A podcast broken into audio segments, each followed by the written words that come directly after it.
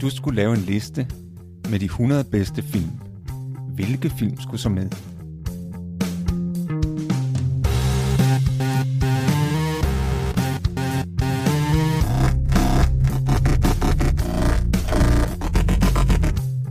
Hej, jeg hedder Morten. Og jeg hedder Thomas. Lyt med, når vi taler om vores liste med de 100 bedste film.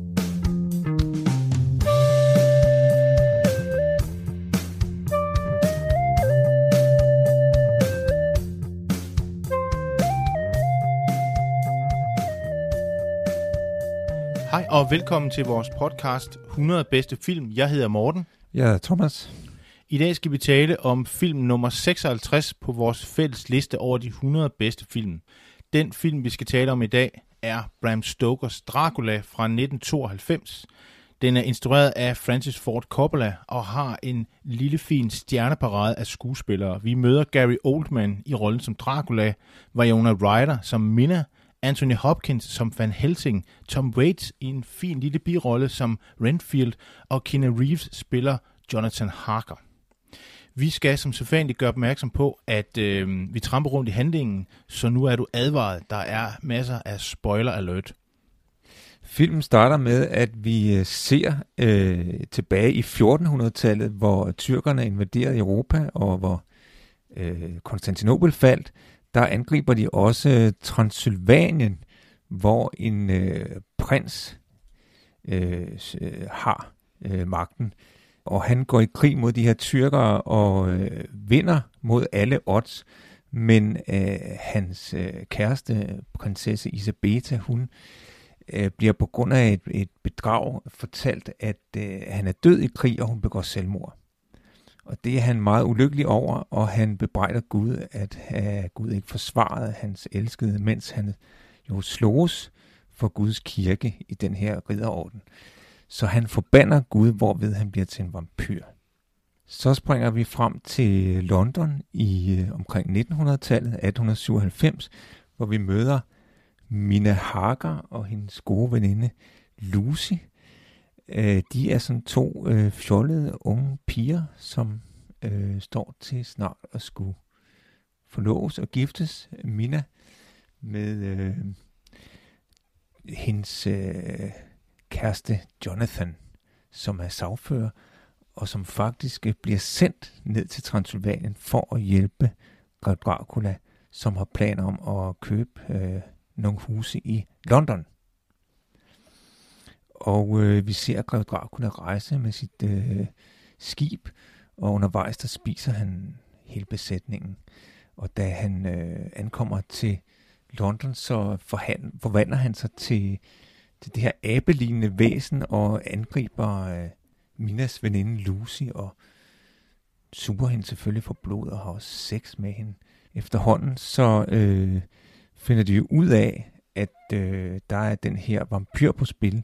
Det finder de ud af ved hjælp af doktor Van Helsing, som er øh, lærermester til en af Lucis tre bejlere. Lucy står nemlig også til at blive gift, og sammen tager de så kampen op mod Dracula. Det lykkes i, mellem, i mellemtiden øh, Jonathan at undslippe fra Draculas slot, hvor han har været taget til fange, og han bliver så øh, forenet med Mina Harker og, øh, og gift. Øh, men øh, Mina Harker har jo øh, sideløbende udviklet et forhold til Grev Dracula, mens han var i London, og har fundet ud af, at øh, hun har kendt ham fra tidligere, fordi øh, Mina er faktisk en reinkarnation af den her øh, prinsesse, som pr- øh, prins Dracula stod til at skulle giftes med.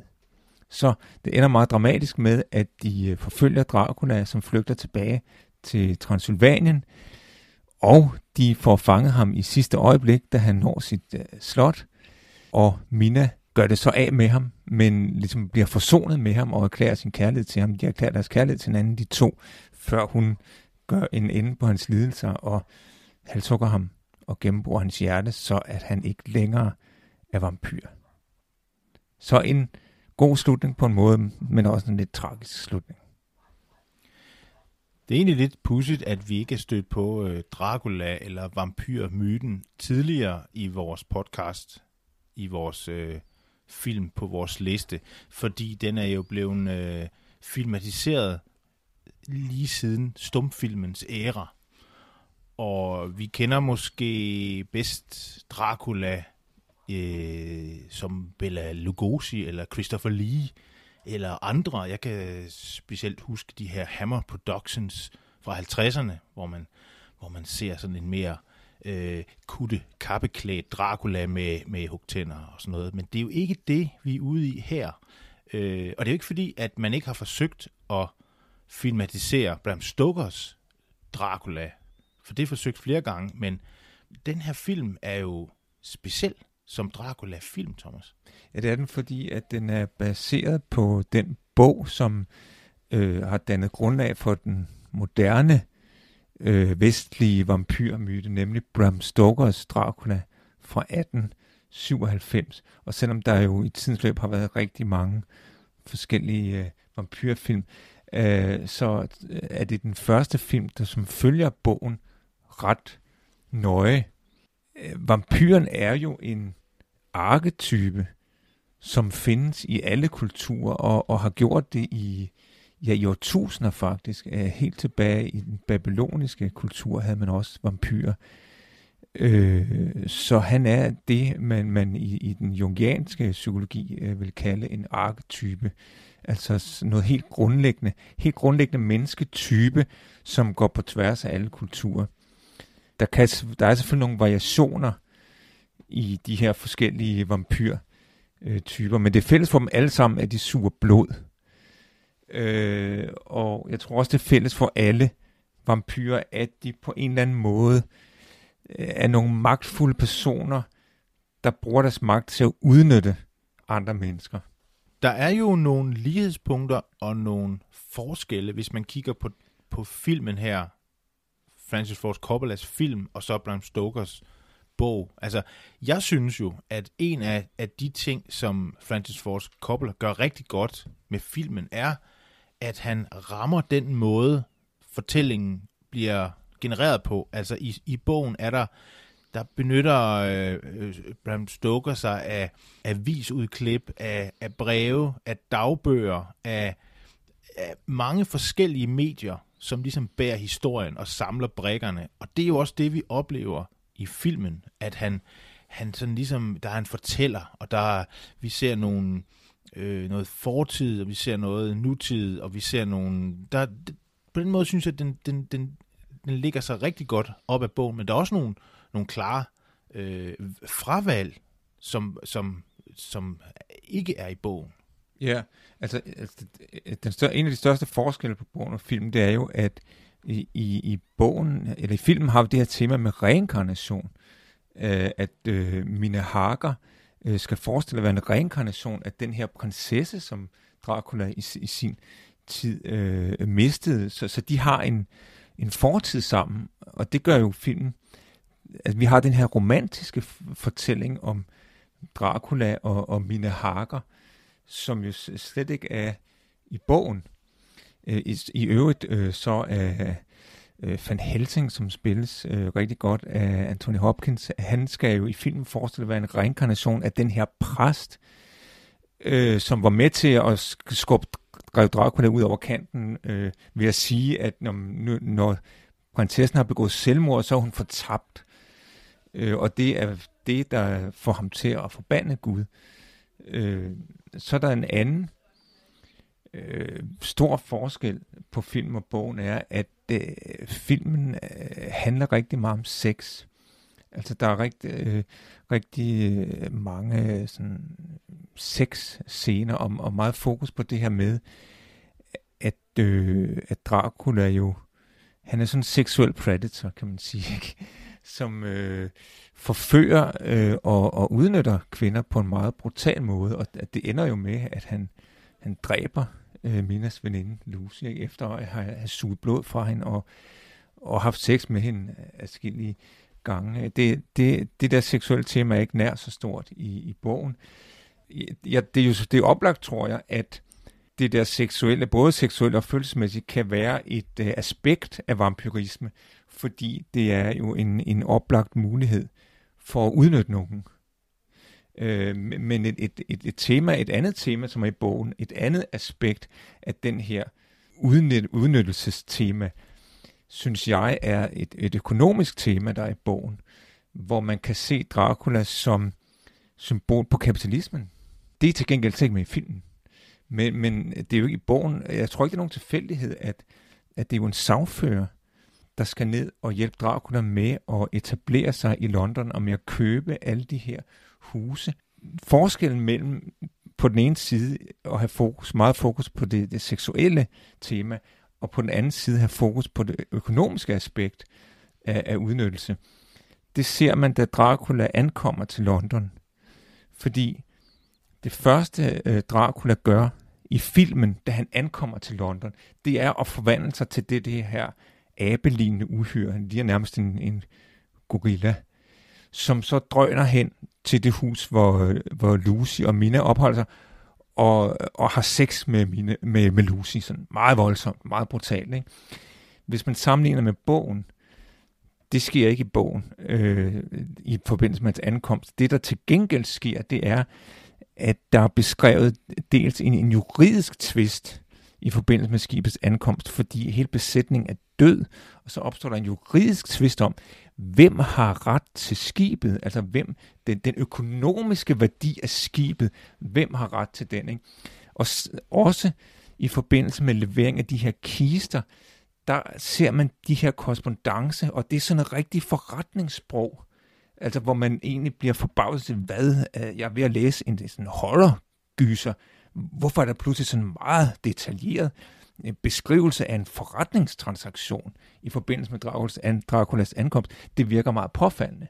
Og, og jeg synes næsten kun, det kan fortolkes sådan, at det symboliserer noget, altså det symboliserer et økonomisk aspekt af udnyttelsen. Så bogen er måske lidt mere tør i forhold til det erotiske, og så den fulde af, måske er mere symboler omkring sådan samfunds, sådan samfundskritik, hvor øh, vampyrismen er en, en kapitalismens sugen øh, forretningslivet ind, eller ligesom forsøger at optage det. Hvad synes du i øvrigt om... Altså, vi ser jo, øh, vi ser jo Grev Dracula i mange forskellige skikkelser. I starten er han den her øh, øh, ridder eller kriger fra, fra, fra den her drage, drageorden. Og, og så ser vi ham som, som, øh, som gammel, gammel mand på borgen, da han tager imod Jonathan Harker og vi ser ham som, som adelsmand i, øh, i London med sådan nogle øh, John Lennon-briller på, og vi ser ham også som, som uhyre. Det er jo Gary Oldman, der spiller den rolle der. Hvad, hvad synes du om sådan en... Altså nu har vi snakket om, om Bela Lugosi og Christopher Lee, men Gary Oldman bryder jo meget med de der klassiske. Ja, det er lidt anderledes Dracula, han spiller. Altså, han tilføjer figuren en, en vis humor, kan man godt sige. Altså, der er blandt andet en scene der, hvor øh, Jonathan Harker lige er ankommet til Draculas slot, og Dracula fortæller om sin forfædre, der jo havde den her øh, ridderorden, øh, som, som øh, kæmpede mod tyrkerne, og, og de svorede at, at forsvare Guds kirke, fortæller Dracula. Og så siger han sådan lidt eftertænkt som, that relationship wasn't uh, entirely successful. Og så griner øh, Jonathan Harker sådan lidt dumt, og så bliver han vred. Ikke? Det er ikke noget at spørge med. Men, men, men det, der jo er det morsomme, det er, det er altså hans gudsforhold, han beskriver som værende ikke særlig øh, vellykket.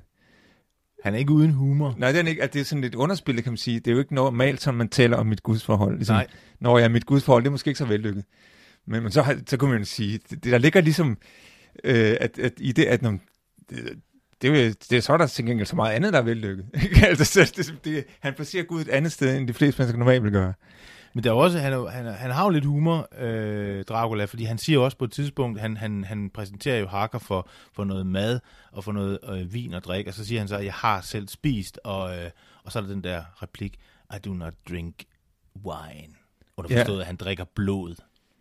Og, og på et tidspunkt siger han også om, om Jonathan Harker, øh, you are a man of very good taste. så, så, så der er lidt humor i den, og, øh, og, og, og den spiller også lidt på, at publikum godt ved, hvem Dracula er. Altså, der, der er sådan, sådan en, en forventningsafstemning øh, der også, tror jeg. Ja. Jeg tænker på noget helt andet, Thomas. Nu har vi, det har jo i, i kristendommen, og, og det er jo kristendommen, den her øh, øh, drageslægt orden, den er fra. Og i kristendommen spiller blodet jo også, der er jo sådan en helt øh, transformations øh, ting med, med, med vand til vin, og vin til blod, og blod til ånd i kristendommen. Og al den her blodmetafor, er det, er det sådan en antikristen fortælling?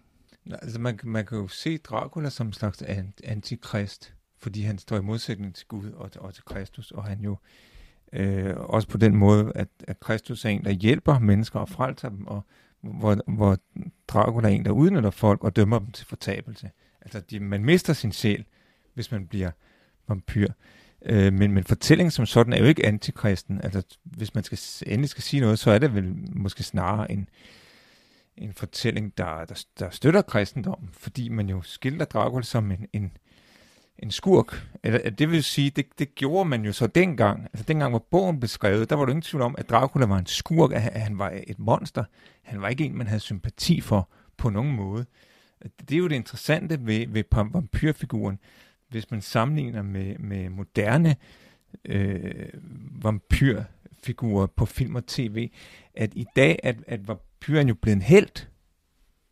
Altså især i de her øh, teenage øh, tv-serier, som, som øh, Vampire Diaries og Twilight, og hvad de hedder alt sammen, ikke? der er vampyren pludselig blevet en held. Eller i hvert fald et, det er en, en, en, en figur, som vi kan ligesom, identificere os med og sympatisere med. Og det er jo højst bemærkelsesværdigt. Øh, altså man kan sige om bogen, at den lægger sig i en tradition af...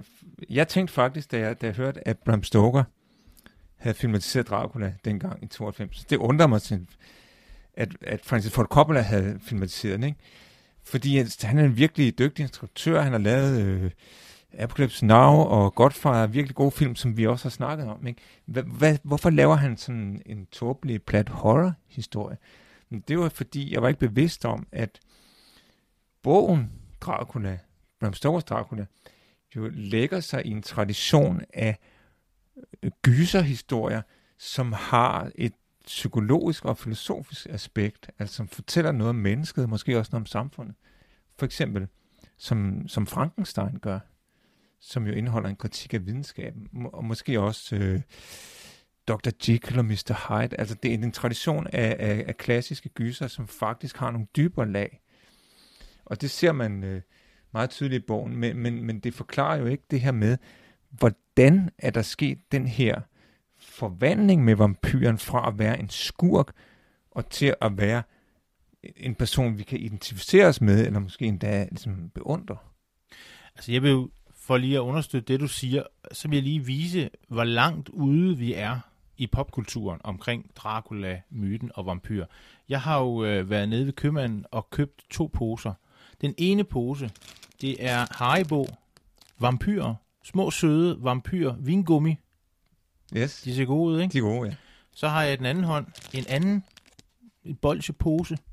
Det er Dracula bolcher, som er stærke, men det er stadigvæk en lidt, han ser lidt mere uhyggelig ud. Ja. Men øhm, jeg tror, jeg skal, jeg skal have den uhyggelige version. Du, du får den ja. uhyggelige, ja. Så, så tager jeg en af de små vingummi-vampyrer. Øh, fordi popkulturen har jo virkelig taget Dracula til sig.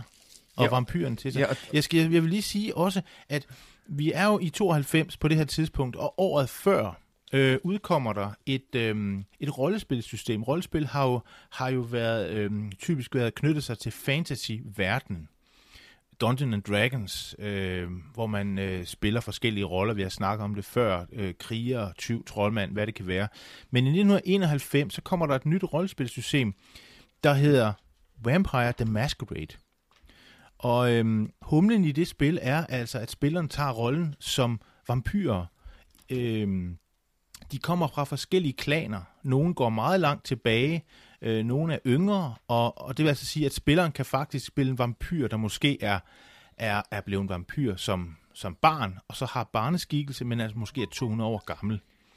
Og, og så er øh, der er ligesom en konflikt imellem de her klaner, fordi nogle klaner mener, at man skal bekæmpe menneskene. at man skal undertvinge sig dem og bruge dem som slaver. Andre mener, at man ligesom skal leve i, i fred og gammel med dem, og nogle helt andre mener, at man skal holde sig væk fra dem. Og, og, og, og det er så ligesom spillets øh, tema, det her med alle de her moralske øh, opgør og konflikter, der er ved at være menneske, og nu altså ved at være vampyr. Og det er et, et rollespil, der bidrager rigtig meget til, til, hvad skal man sige, den der rollespilsten, hvor man kan dyrke sin karakter og, og komme i dialog med de andre spillere, og måske ikke så meget kamp øh, med terninger, men mere et spørgsmål om, at man, hvordan, hvad synes man, og hvad føler man, og hvordan har man det med, med det at være menneske. Så, så på den måde er, er vampyrmyten jo også et, et godt afsæt for at kunne kigge på, hvad det vil sige at, at være menneske. Ja, præcis. Og, og, og jeg tror, at den, den rolle, som vampyren spiller i vores samfund, eller det billede, vi har af vampyren, det spejler noget i vores samfund. Altså, jeg kommer, jeg kommer faktisk til at tænke på øh, den film, der hedder Once Upon a Time in the West, som vi også har snakket om. Men der er jo den her scene i slutningen, øh, fordi kapitalisme er også et tema i Once Upon a Time in the West. Og der har vi i slutningen af filmen den her scene, hvor harmonika helten snakker med skurken Frank, som jo har samarbejdet med den her kapitalist, men har fundet ud af, at, at han vil egentlig også gerne være kapitalist, men har fundet ud af, at det er altså ikke. Det, det holder ikke. Fordi at, øh, øh, og så, så, så siger harmonika, du tilhører jo en elgammel race, siger han til Frank, revolvermanden. Og, øh, men der vil komme andre, ligesom ham Morton, kapitalisten, og de vil udrydde den, de vil udrydde den gamle race, som du tilhører. Så hvad er det, der bliver sagt her? Det, der bliver sagt, er jo egentlig, at der er tale om en ny mennesketype, der er på vej. Der er en mennesketype, der er på vej ud. Det er ham revolvermanden med de der forældede æresbegreber. Og så den nye mennesketype, der er på vej, det er kapitalisten, som Mr. Morton, fordi som Harmonika siger, jamen ham kommer der da flere af. Øh, vampyren kan ses som et øh, billede på, på kapitalismen og på den mennesketype, som kapitalismen skaber. Øh, og det er måske derfor, at vampyren er blevet så utrolig populær i, i, i, på, film og tv i populærkulturen. Altså for at, øh, hvis vi skal bruge ham der Reinfeldt som eksempel, som jo er ham, øh, der tilbeder Dracula. Det er ham den tossede, han er på galanstalt. Øh, han tilbeder Dracula og vil gerne være vampyr. Han er sådan en wannabe vampyr. Men tilbage i 1897, hvor bogen blev skrevet, der var han jo undtagelsen. Altså, der er en mand, der er så skør, så han tilbeder Dracula og vil gerne være vampyr. Ej, det, det er fandme langt ude, ikke? Han er virkelig langt ude. Men der kan man sige, der, der er vi alle sammen blevet som Reinfeldt. Vi vil alle sammen gerne vampy- være vampyrer. Vi synes alle sammen, han er sej. Han bliver spillet af Tom Waits, som jo i den her øh, periode har ret mange øh, biroller. Vi, vi, vi, vi mødte ham også i, øh, i øh, live lessons i uh, New York Stories, hvor han spiller en, en lille rolle som en, uh, en veteran, Vietnam-veteran må det næsten være. Så ham kan vi godt lide, og, og, og man kunne også godt forestille sig en, en efterfølger, der, der handlede om, hvad skete der egentlig med Rainfield? Ja, det kunne være en rigtig god... ud fra tosanstalten øh, og lavede sin egen Det kunne være en rigtig god, det kunne være en rigtig god ja. Øh, spin-off. Altså, jeg, jeg håber lidt for ham. Jeg synes, det er lidt synd for ham, at han ikke, han, at sådan, i betragtning af, hvor meget han beundrer Dracula, hvor lojal en disciple han er, at han så bare bliver slået ihjel, fordi han, han bliver jo ikke vampyr. Dracula dræber ham bare, ikke? Og han sidder der og siger, fordi Dracula siger til ham, du har jo forrådt mig, og siger, no, no, I serve you, I serve you. Master. Ja, master. Og så bliver, så bliver bare slået ihjel. Og det, jeg, jeg synes, jeg synes, det er, jo, synes, det er uretfærdigt. Ikke? Det er og, men det minder mig lidt om, at det her med, hvad vampyrerne repræsenterer i vores kultur og i vores samfund, ikke? fordi jeg kiggede lidt, jeg fandt sådan en artikel på en hjemmeside med, med jungiansk øh, psykologi. Jung, det er jo ham, der, der, der tror på arketyper, ikke? Og, og som siger, øh, siger faktisk meget interessante øh, ting om, hvad, hvad det egentlig er, vampyren symboliserer i vores kultur, øh, repræsenterer. Og så siger han, i et samfund, øh, i, i, i vores samfund, som er en kultur af narcissisme og, selvoptag, og selvoptagethed, der er vampyren jo det perfekte ikon til at udtrykke den psykologiske karakter, som, som ligger til grund for det. Og så siger han nogle af de egenskaber, som, som man har, når man føler sig tiltrukket af vampyrer og synes, de er seje, at det er altså undertrykte ønsker og antisociale impulser og øh, motiver, som er moralsk tvivlsomme, og ikke mindst nogle øh, barnlige, øh, grandiose fantasier, altså en form for storhedsvandvid, ikke? fantasi om, at, øh, at man er meget, meget magtfuld. Så det er jo selvfølgelig ikke så pænt, kan man sige. Det er sådan et kritisk syn på øh, dyrkelsen af vampyrer. Så vi kan måske ikke helt afgøre, om vampyren øh, er en held eller en skurk. Nej, det afhænger nok Det kan af... sættes i begge, begge roller. Man kan jo godt forstå øh, øh, den, den, den her øh, skuffelse, som drev, Grev Dracula føler i starten af filmen over, at han har givet øh, sit liv og sin, sin ridderorden der til, øh, til kampen for kristendommen, og så, og så vil de, øh, de kan ikke engang beskytte hans elskede og kunne hjælpe med, når hun så er død, jamen så kan hun ikke engang blive begravet i hellig jord, fordi regler er regler. Det, det, det, det kan sådan et, et, et, et, en, en friherre jo ikke tage. Så, øh, så det kan man godt forstå, men, øh, men, men alt det, han bliver til, og han sætter i gang, øh, kan man måske heller ikke helt... Man kan ikke helt kalde ham en held. Måske en Ej, romantisk... Det, det er lidt romantisk helt, altså, og så, og så øh, altså man kan sige, filmen her i, i Francis Ford Coppolas film, der er han måske lidt af hvert. Altså han er, sådan, han er måske en tragisk held. Altså som, han, øh, han starter som held, med at han vinder det her slag øh, og forsvarer Guds kirke, så bliver han skurk i nogle hundrede år, og men så, så ender han jo lidt som held igen, fordi han bliver forsonet med sin, med sin kæreste, og, og kærligheden sejrer jo, og han bliver til et menneske, før han, han dør, ikke? Så, så han ender jo lidt som held igen, kan man sige. Han er lidt værd, men, men hvis du ser på populærkulturen generelt, så er der jo især mange af de her teenage ungdomsserier, hvor vampyren er en ren held.